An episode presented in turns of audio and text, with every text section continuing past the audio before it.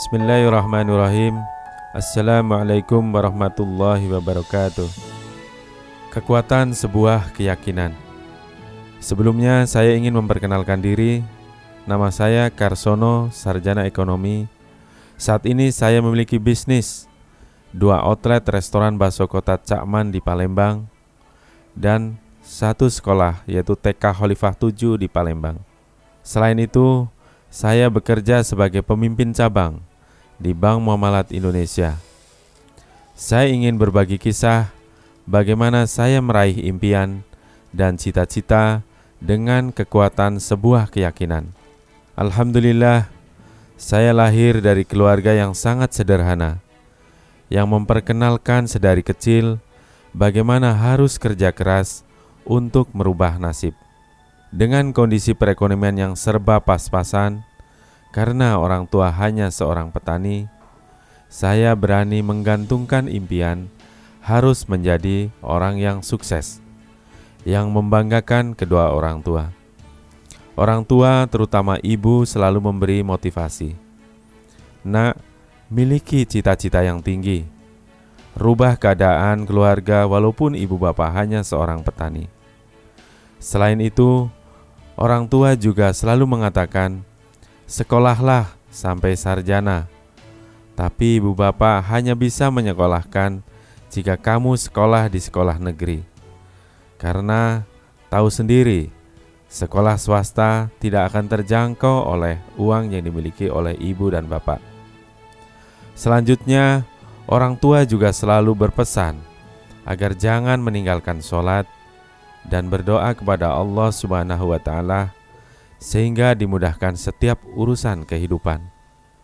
Rupanya, apa yang selalu disampaikan orang tua betul-betul menjadi cambuk yang sangat berharga, sehingga telah membentuk pribadi saya menjadi seorang yang tangguh, optimis, selalu bekerja keras, memiliki jiwa atau spirit juara, dan selalu berprinsip tidak ada sesuatu yang sulit jika mau berikhtiar dan berdoa. Bagi saya, tidak ada pilihan lain kecuali memiliki keyakinan bahwa nasib harus berubah dan segera terwujud. Spirit juara juga betul-betul sudah melekat dalam pribadi saya, sehingga sedari kecil dengan fasilitas yang ala kadarnya, saya selalu meraih prestasi sebagai juara satu dari sekolah tingkat SD sampai lulus perguruan tinggi. Keberhasilan saya dalam prestasi sekolah bukan karena saya orang yang cerdas.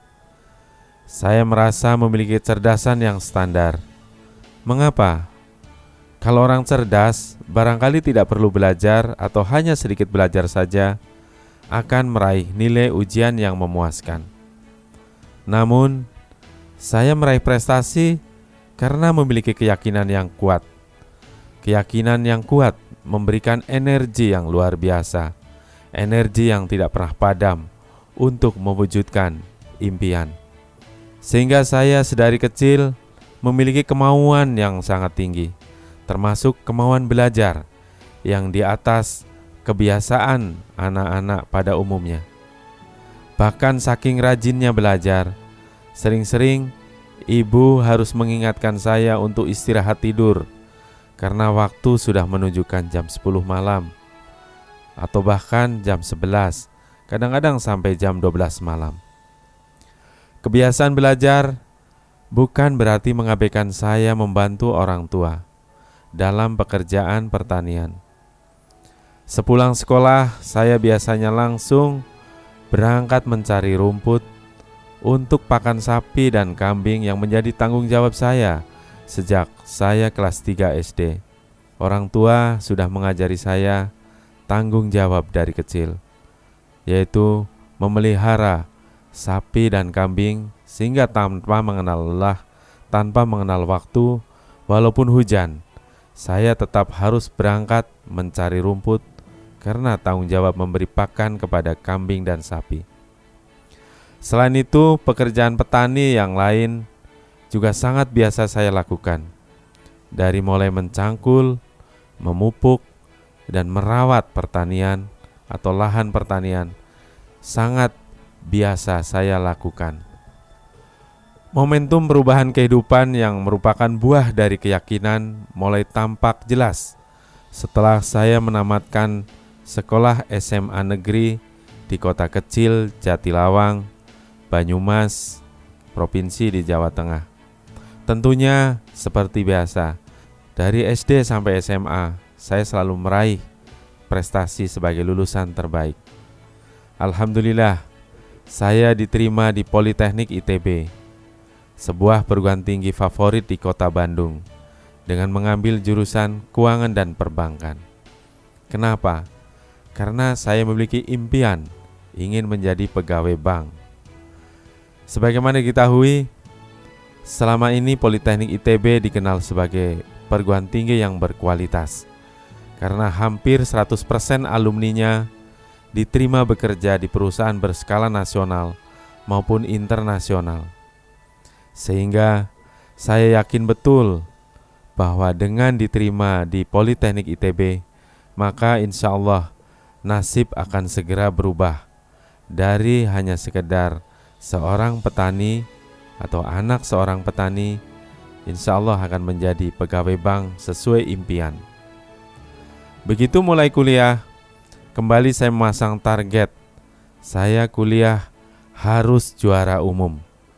Walaupun persaingan lebih ketat karena hampir semua mahasiswa yang ada berasal dari juara-juara kelas dari berbagai kota, dari berbagai sekolah SMA di Indonesia.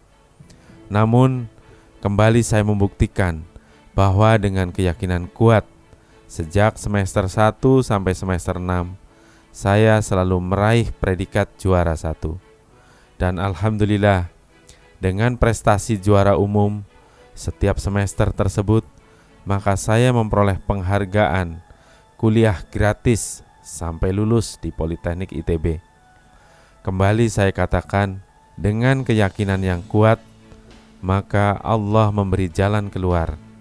Tentunya dengan adanya gratis kuliah, kedua orang tua sangat bangga dan cukup diringankan. Karena saya hanya membayar uang kuliah di awal masuk saja sedangkan semester berikutnya semuanya gratis. Dalam perjalanan kuliah saya di Politeknik ITB, saya aktif dalam berbagai kegiatan masjid kampus, sehingga saya biasa mengikuti kajian agama.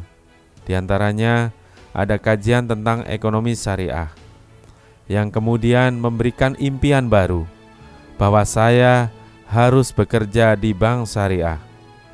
Namun sayang, setelah lulus kuliah pada tahun 1992 karena Bank Muamalat baru berdiri dan sebagai satu-satunya bank syariah di Indonesia saat itu tidak menerima karyawan fresh graduate atau tidak menerima karyawan yang baru lulus kuliah, namun lebih mengutamakan karyawan yang berpengalaman.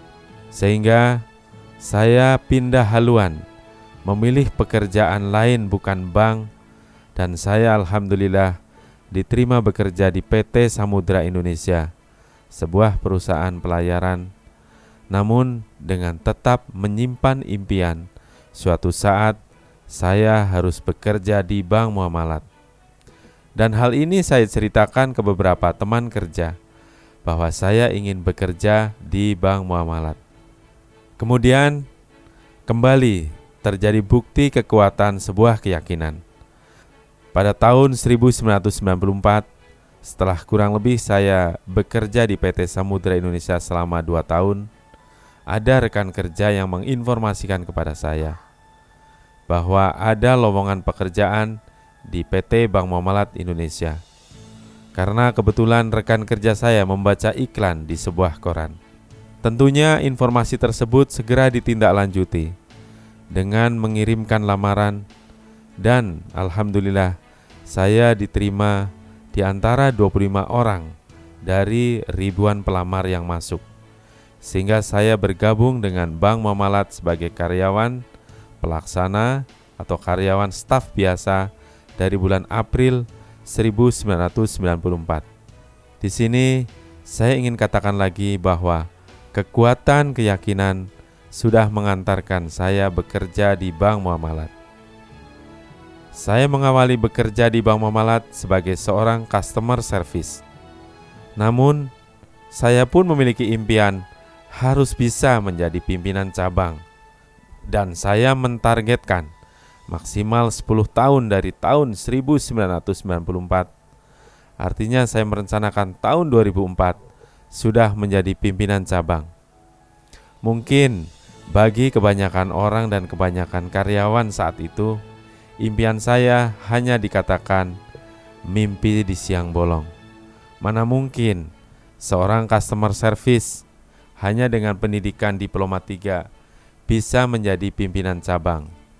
Namun, saya tetap mempersiapkan, saya tetap optimis dan yakin bahwa segala sesuatu akan terjadi pada saat diyakini oleh kita. Sebagaimana kita sering mendengar hadis Qudsi bahwa Allah sesuai dengan prasangka hambanya. Jikalau hambanya berprasangka bahwa segala sesuatu itu sulit, maka benar kesulitan yang akan dialami. Namun sebaliknya, jika kita berprasangka terhadap suatu masalah mudah, maka insya Allah Allah akan memberi jalan keluar. Kemudian setelah saya bergabung di PT Bank Muamalat Indonesia, saya mencoba membuat dua periode karir yang harus saya lewati sebelum saya menjadi pimpinan cabang.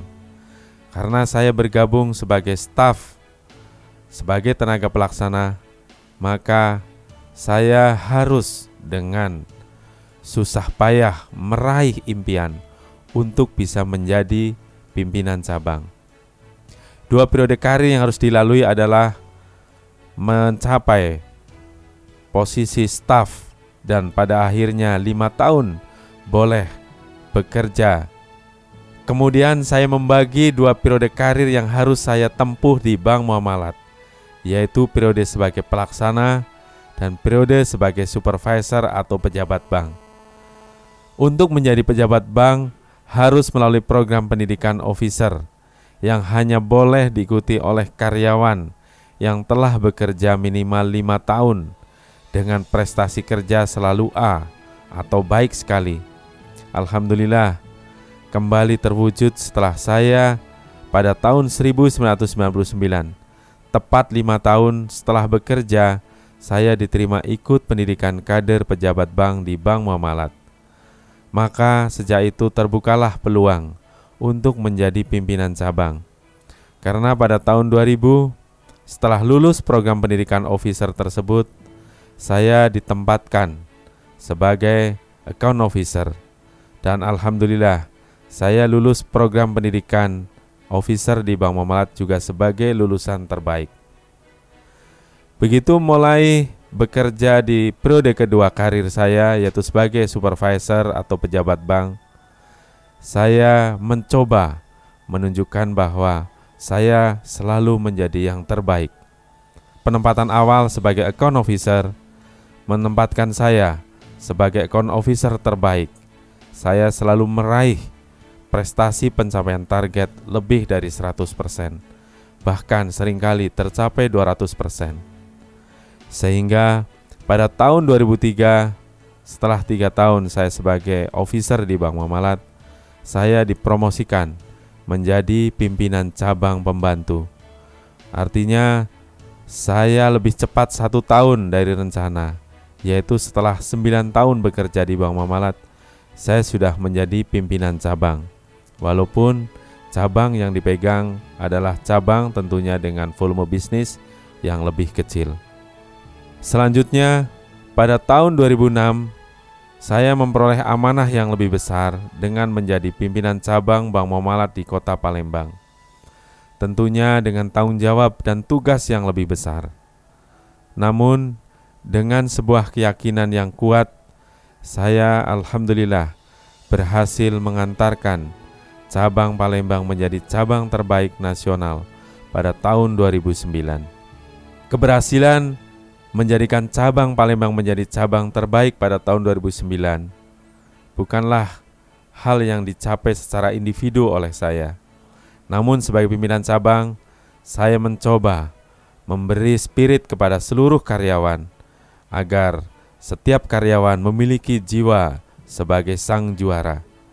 Sehingga dengan berkumpulnya sang juara dalam satu kantor, maka impian menjadi cabang terbaik. Alhamdulillah dengan mudah dicapai pada akhir Desember tahun 2009. Hal lain yang merupakan buah dari keyakinan yang pernah saya raih dalam kehidupan saya adalah sebagai berikut. Setelah berkeluarga, saya bersama istri merencanakan ingin memiliki rumah yang cukup besar. Karena setelah berkeluarga, saya mengontrak sebuah rumah di kota Bandung tipe 36. Dan pada saat keluarga datang ke Bandung karena saya dari keluarga besar. Seringkali saya kesulitan, mereka harus tidur di mana. Maka saya bersama-sama dengan istri pada tahun 1997 setelah satu tahun saya menikah, saya mengatakan kepada istri, kita harus punya rumah yang lebih besar. Dan Alhamdulillah, pada tahun 2001, saya memiliki rumah yang cukup besar yang insya Allah bisa menampung 20 orang keluarga yang datang ke kota Bandung pada saat liburan atau pada saat sekedar jalan-jalan. Kemudian hal lain yang juga saya peroleh karena kekuatan sebuah keyakinan adalah penugasan saya di kota Palembang. Pada saat itu, tahun 2006, dalam setiap selesai sholat, saya dan istri bersama-sama selalu berdoa, Ya Allah semoga saya ditempatkan di satu kota provinsi yang akan menjadikan saya di sana besar, yang akan menjadikan saya memperoleh keberkahan hidup. Dan ternyata betul, tahun 2006 saya ditempatkan sebagai pimpinan cabang di Bank Muamalat cabang Palembang. Alhamdulillah membawa berkah. Saya bersama istri merencanakan membuka bisnis kuliner. Mungkin saat itu sebagian teman-teman saya juga mengatakan, Mana mungkin kamu tidak memiliki kemampuan sebagai koki, juga tidak memiliki pengalaman dalam bisnis kuliner. Namun dengan keyakinan yang bulat, saya dengan istri sepakat bahwa tahun 2007 setelah satu tahun ada di Palembang, saya harus memiliki restoran. Restoran apa pun atau restoran baso atau restoran rumah makan, yang jelas saya memiliki sebuah bisnis kuliner. Pada tahun 2007, saya dipertemukan dengan seseorang yang mereferensikan agar saya membuka restoran bakso kota Cakman Malang di Palembang. Bisnis ini sifatnya bisnis franchise. Sehingga saya sangat tertarik karena saya tidak memiliki pengalaman dalam bisnis rumah makan. Maka dengan konsep franchise, insya Allah semua sudah disiapkan. Tinggal tentunya saya menyiapkan investasinya. Dan tentunya investasinya tidaklah kecil. Butuh investasi lebih dari 300 juta. Setelah saya lihat tabungan yang ada, ternyata saya tidak memiliki uang sebesar itu. Saya hanya memiliki uang sepertiga dari itu. Namun saya dengan istri sekali lagi mengatakan bahwa yakinlah kita bisa membuka restoran bakso kota Cakman. Pada saat saya baru memiliki uang sepertiga dari kebutuhan investasi, sengaja saya sudah mencari ruko. Kemudian dengan tekad bulat saya bayar uang muka 10 juta dari seluruh yang harus saya bayar selama tiga tahun 120 juta sebagai tanda jadi. Ini rupanya kekuatan sebuah keyakinan. Kemudian saya dipertemukan dengan teman-teman, dengan keluarga yang kemudian memberi pinjaman uang yang akhirnya Alhamdulillah pada Oktober 2007 restoran bakso kota Cakman Malang pertama dibuka di kota Palembang. Selanjutnya, setelah restoran pertama buka, saya kembali membuat rencana bersama dengan istri. Saya merencanakan agar setelah enam bulan membuka restoran pertama, kita buka outlet kedua, restoran bakso kota Cakman Malang di Palembang. Dan saya sangat biasa juga meminta doa kepada ibu, kepada orang tua, agar dimudahkan rencana-rencana termasuk rencana bisnis yang ada. Maka alhamdulillah pada bulan April tahun 2008 outlet kedua restoran bakso kota Cakman Malang di Palembang dibuka. Dan ini tentunya sebagai berkah atas keyakinan yang saya miliki bersama dengan keluarga. Saya pun masih memiliki rencana atau target-target lain. Setelah bisnis tahun 2007 tahun 2008, saya mengatakan kepada istri bahwa kita harus memiliki rumah di Palembang karena sewaktu-waktu saya akan dimutasi dari luar kota Palembang. Bisa jadi akan mengalami kesulitan pada saat tidak memiliki rumah. Dan betul, alhamdulillah, pada tahun 2008, rumah yang jadi impian di kota Palembang, saya berhasil membeli satu unit rumah di perumahan yang cukup mewah di kota Palembang. Kemudian, pada tahun 2009, saya juga merencanakan ingin bisnis pendidikan, yaitu membuka sekolah TK Islam.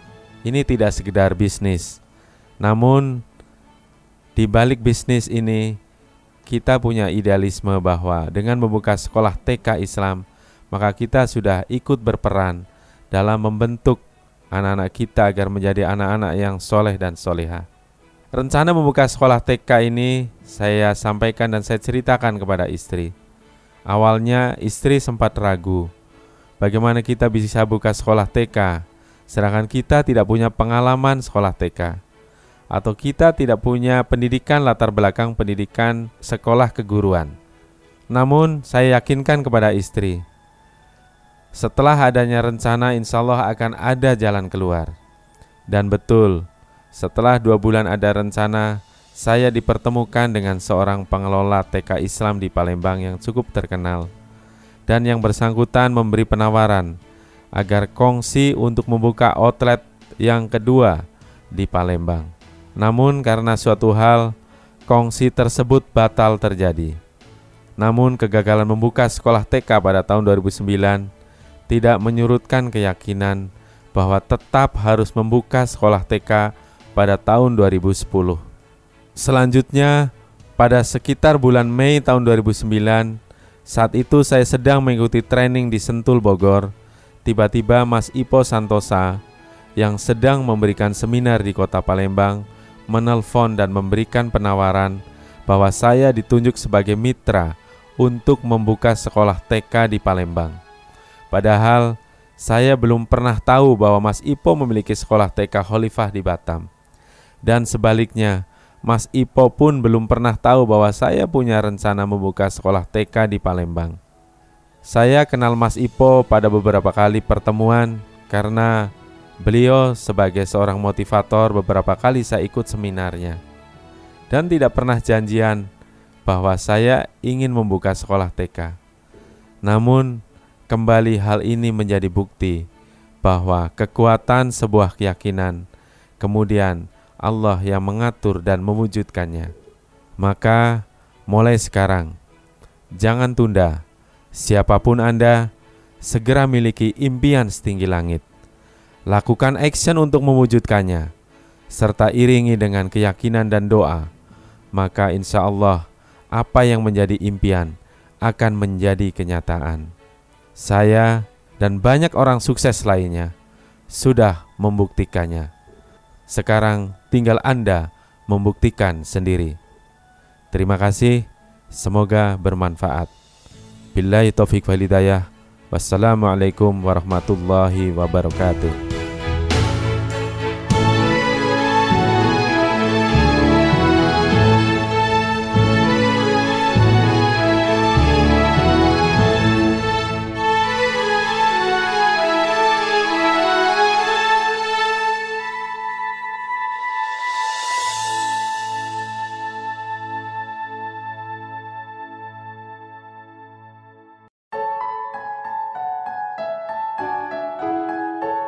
Salam sejahtera buat kita semuanya.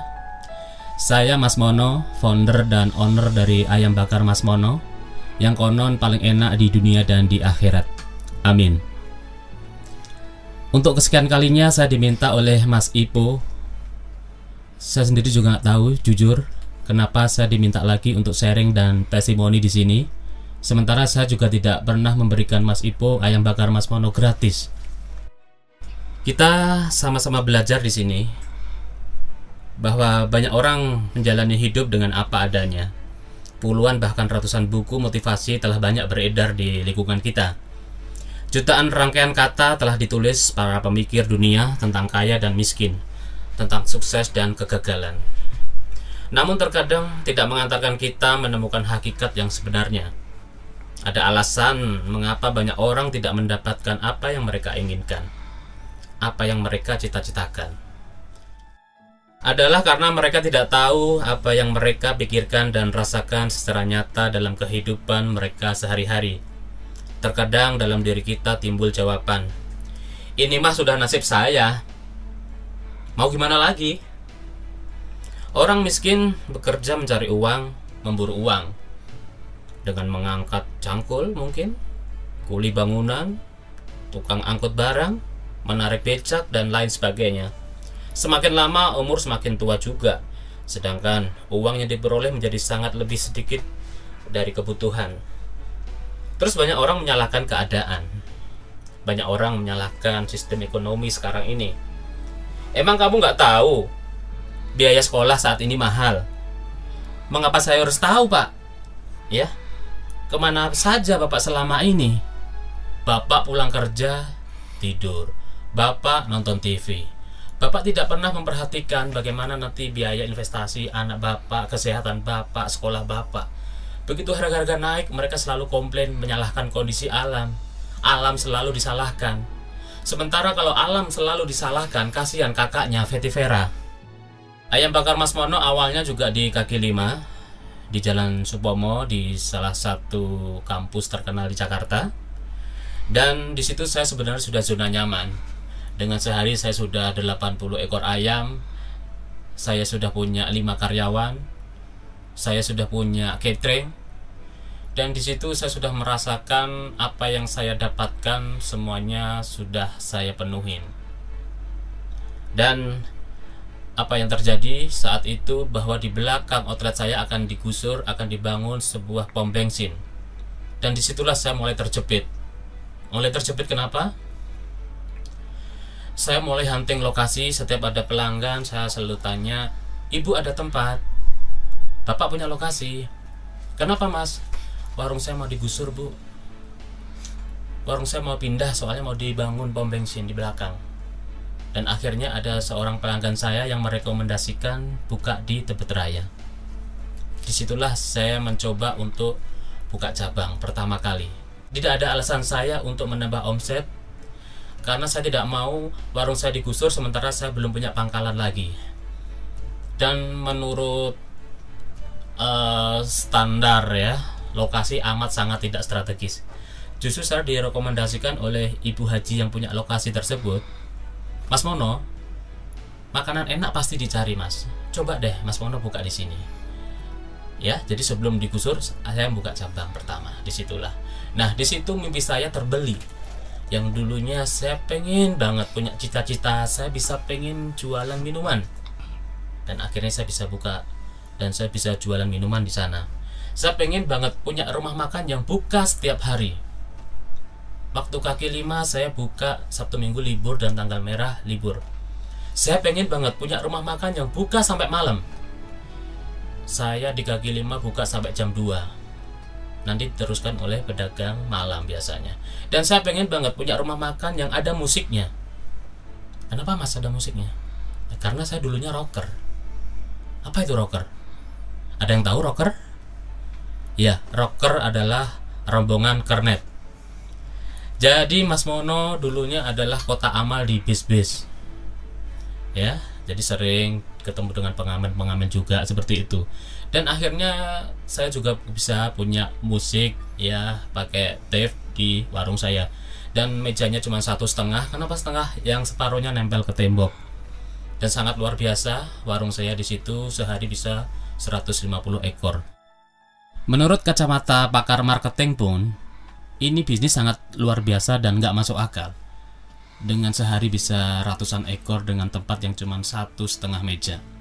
Dan di situ saya sangat bersyukur, tapi sebelum saya pindah di Tebet Raya, saya menganggap bahwa Allah tidak adil. Kenapa? Di saat warung saya sudah 80 ekor ayam, Saya sudah bisa mengatur waktu saya. Saya tinggal memaintain saja waktu itu warung saya digusur. Dan saya menganggap bahwa Allah tidak adil. Dan dengan berjalannya waktu, saya baru menyadarin bahwa Allah Maha Adil. Gara-gara digusur tersebutlah akhirnya saya bisa punya cabang. Gara-gara digusur tersebutlah akhirnya saya bisa ada di ruangan studio ini untuk rekaman. Gara-gara digusur tersebutlah akhirnya saya bisa naik pesawat. Gara-gara digusur tersebutlah akhirnya saya bisa menunaikan ibadah haji. Dan saya punya teman yang dari dulu dari tahun 90 mereka tukang buah, jualan buah keliling sampai detik ini masih dagang buah keliling. Dan saya juga punya teman yang dagang kue pancong. Sampai detik ini masih dagang kue pancong. Yang panas kepanasan, yang hujan kehujanan, yang kadang harus kucing-kucingan dengan petugas kamtip. Yang saya tanyakan, apakah Allah tidak adil? Apakah Allah tidak adil? Allah tentu maha adil. Ingat, bahwa Allah tidak akan merubah keadaan satu kaum kalau kaumnya tidak merubah nasibnya sendiri. Kemiskinan kadang dari pikiran dan perasaan miskin itu sendiri. Tidak peduli bagaimana kita hari ini, kita saat ini, detik ini, dari keturunan siapakah kita, warna kulit apakah kita, latar belakang pendidikan apakah kita.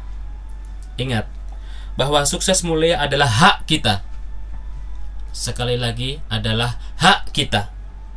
Hancurkan mitos bahwa miskin adalah nasib saya. Mengubah nasib gagal menjadi sukses, mengubah miskin menjadi kaya. Mengapa harus kaya? Dengan kaya kita bisa membantu orang lain. Dengan kaya kita bisa sedekah dan zakat yang lebih. Dengan kaya kita bisa bantu orang tua kita umroh haji dengan kaya kita bisa membahagiakan orang-orang di sekeliling kita, bisa menciptakan lapangan pekerjaan juga.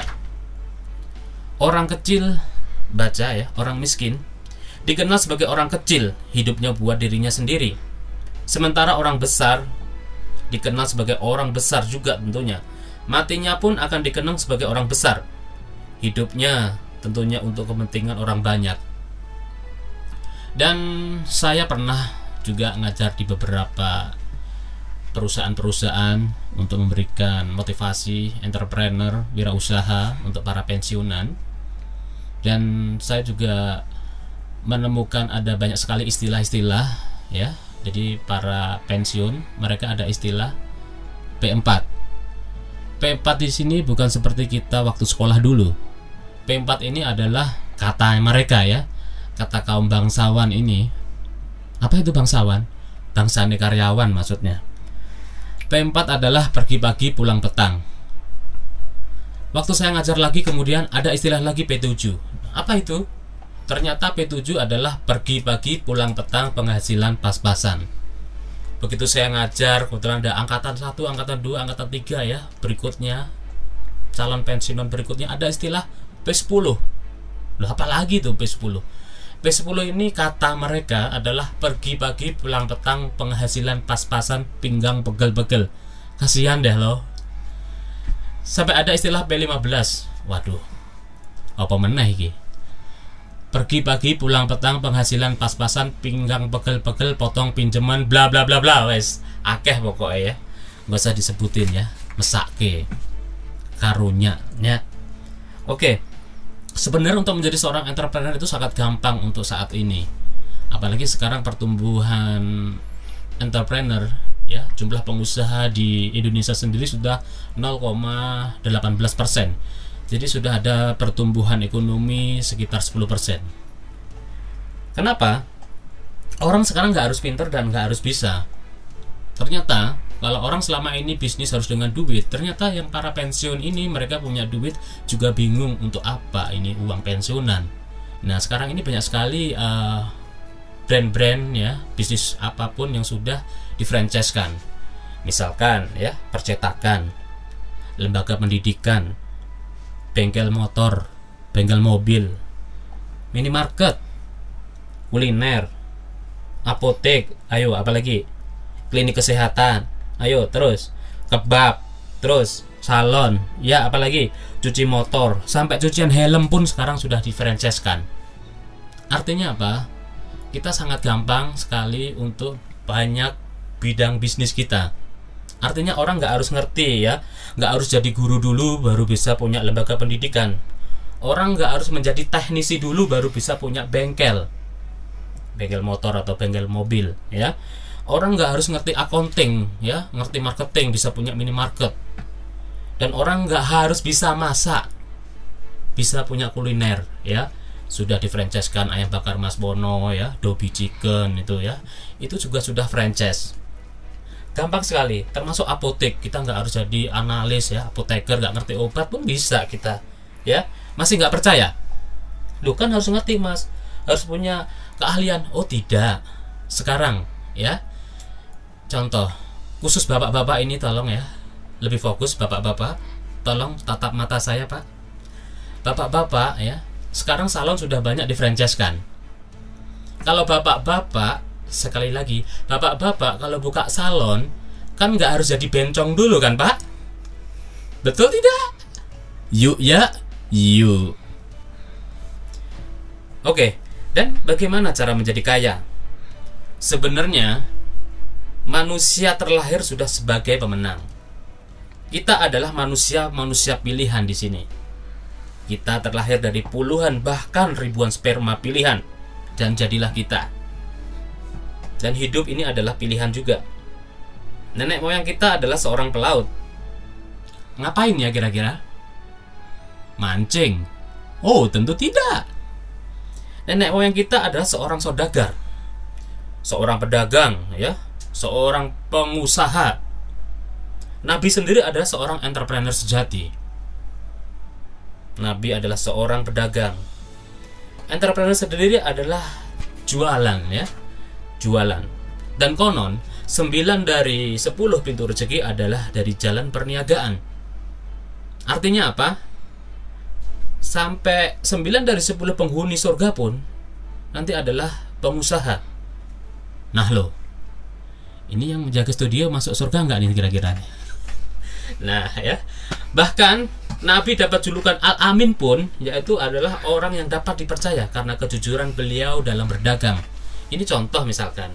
Jadi cara Nabi jualan pun bahwa Nabi menyebutkan modal saya 100 ribu loh ini saya jual 120 saya ngambil keuntungan 20 ribu dan Nabi jelaskan itu ya kalau minat monggo silahkan tapi kebanyakan orang sekarang ini malah berbalik ya ini modalnya sudah 150 ribu loh padahal modalnya 100 ribu dan tadi sudah ditawar 160 loh padahal nggak ada yang nawar ya kan teman mengapa ya pengusaha harus kaya tanya kenapa Nabi pun berjualan naik onta. Onta kakinya empat. Bukan burung onta ya. Kalau burung onta kakinya dua. Jadi kita pun jadi pengusaha juga harus pakai roda empat. Apa itu? Mobil ya. Mobil rodanya empat. Kalau burung onta kakinya dua. Jangan kayak burung onta kakinya dua, kakinya dua, roda dua. Apa itu? Motor ya Nah, onta pun juga pilihan, bukan onta yang untuk ternak susu misalkan ya, benar-benar pilihan. Begitu juga kalau kita jadi pengusaha, mobil pun juga harus pilihan. Minimal ya mereknya yang sudah jelas gitu kan ya. Ini maaf nih ya. Sekali lagi maaf nih ya. Mereknya jangan kayak nama-nama binatang misalkan atau apalagi mirip dengan merek minyak goreng misalkan ya. Seperti itu. Nah, dalam hal berbisnis kita harus punya namanya etika etika ya kita ambil contoh misalkan bisnis harus dengan cara ATM amati tiru modifikasi tapi sekarang ini banyak sekali pakai metode ATP amati tiru persis. Masih mending. ATP amati tiru plok ya. Jadi kalau ada ayam bakar mas kumis ya sampai kumis-kumisnya ditiru pokoknya. Ya. Ini kadang kebablasan. Ya dulu saya juga punya beberapa bisnis ya dengan konsep the power jamaah gitu ya. Karena memang kita nggak mengharapkan atau tidak mengandalkan keuntungan dari situ bahwa kita adalah untuk kebersamaan jamaah.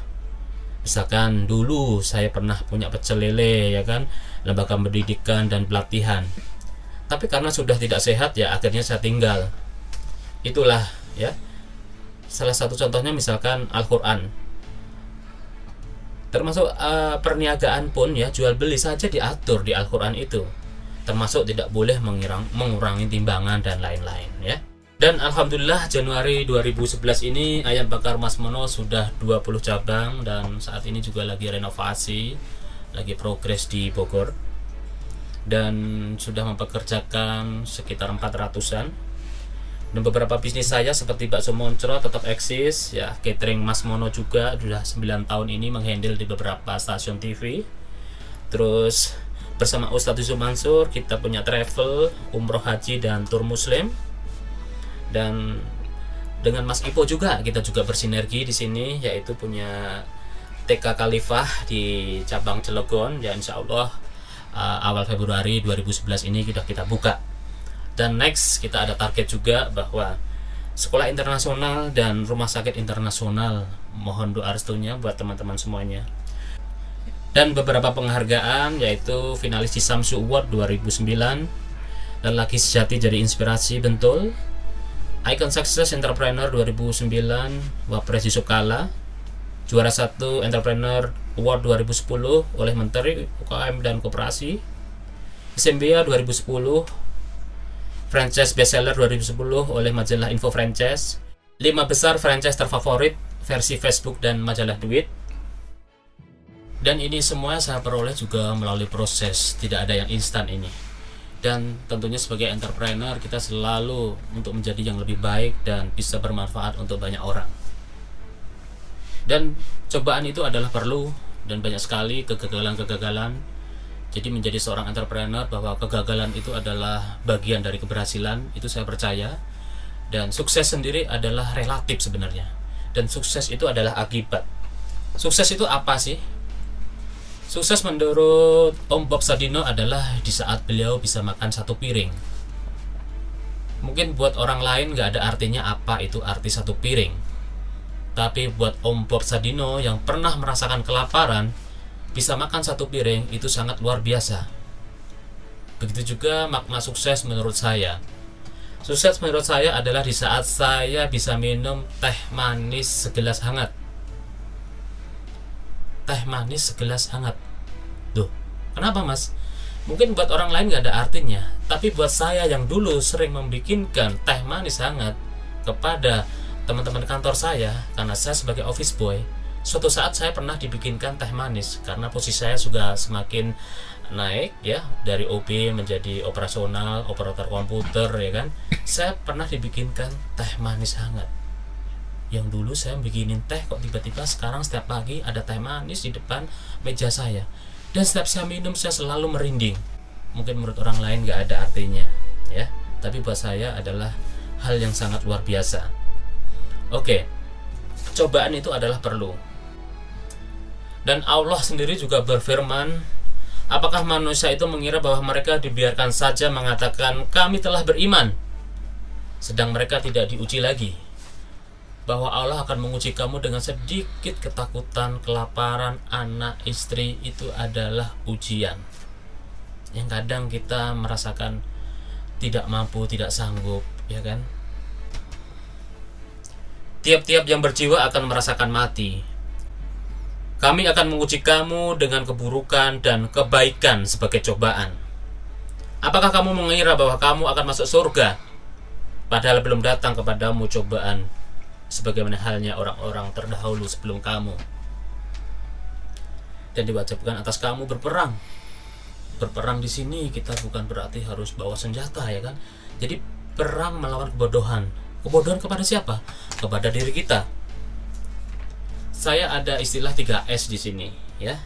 3S di sini adalah kunci eh, apa ya motivasi buat saya ya. Sabar yang pertama ya. Sabar di sini adalah seperti dicontohkan oleh Nabi Ayub yang begitu banyak sekali cobaan dikasih penyakit tapi beliau tetap sabar. Yang kedua S kedua adalah syukur. Syukur ini adalah kisah Nabi Sulaiman alaihissalam ya. Begitu banyak kemudahan, begitu banyak keberkahan, begitu banyak harta benda, tapi Nabi Sulaiman masih selalu bersyukur. Dan dalam doanya, "Ya Tuhanku, berilah aku ilham untuk tetap mensyukuri nikmatmu ya Allah." Ya, mungkin selama ini orang tidak tahu dan nggak mau tahu bahwa orang melihat bahwa ayam bakar Mas Mono, Mas Mono bisa sukses, Mas Mono bisa maju, dan mungkin orang tidak tahu sisi lainnya Mas Mono. Bahwa dulu saya juga pengen banget punya rumah. Mungkin uh, kunci kesuksesan seseorang, apalagi anak rantau ya kan, kalau di Jakarta sudah punya rumah. Dan saya sangat pengen sekali punya rumah saat itu untuk membuktikan kepada orang tua saya bahwa saya mampu dan bahwa saya sanggup. Begitu rumah saya borongin target 8 bulan dan apa yang terjadi sesuai target ternyata belum selesai. Target lebaran belum selesai. Target momen tahun baru juga belum selesai. Dan hampir selesai pembayaran sudah saya lunasin ternyata apa yang terjadi, teman? Pemborongnya kabur. Mungkin gak hanya sekedar kabur saja, rumah saya rubuh. Nah, rubuh di sini sampai ada korban tetangga saya yang kepalanya pecah, tangannya juga patah dan harus dirawat di rumah sakit. Dan saya harus mengganti semua uh, kerugian mereka dan rumah saya nyaris uh, apa itu? Dikeroyok oleh masa dikasih garis polis lain? Gara-gara rumah Mas Mono ini? Ya. Tapi apa yang terjadi uh, saya introspeksi ke diri saya. Dan saya belajar mungkin selama ini sedekah saya kurang. Mungkin selama ini zakat saya kurang. Dengan zona ikhlas tersebutlah akhirnya alhamdulillah teman saya bisa beli beberapa properti sekarang ini. Dengan keikhlasan tersebut. Nah untuk menjadi seorang entrepreneur S yang ketiga adalah sabar syukur dan sedekah. Nah sedekah sini adalah kebetulan kita juga dengan Ustadz Yusuf Mansur banyak sekali bersinergi ya. Bahwa semua tergantung dari niat ya. Sedekah terang-terangan boleh diem-diem juga boleh. Yang nggak boleh adalah diem-diem nggak sedekah. Betul tidak? Nah bicara sedekah sedekah bukan hanya sekedar harta ya tapi bisa juga dengan misalkan tenaga atau kemampuan kita Sukses sebenarnya bukanlah kebetulan. Kegagalan juga bukan kecelakaan. Sebenarnya, sukses dapat diprediksi, sukses meninggalkan jejak. Selamat beraktivitas teman. Mohon maaf kalau ada salah kata. Dari lubuk hati yang paling dalam, bagaimanapun juga Mas Mono juga manusia biasa. Tetap semangat, tetap sehat, agar kita tetap bisa makan-makan ayam bakar Mas Mono. Ayam bakar Mas Mono enak dimakan dan perlu. Wassalamualaikum warahmatullahi wabarakatuh.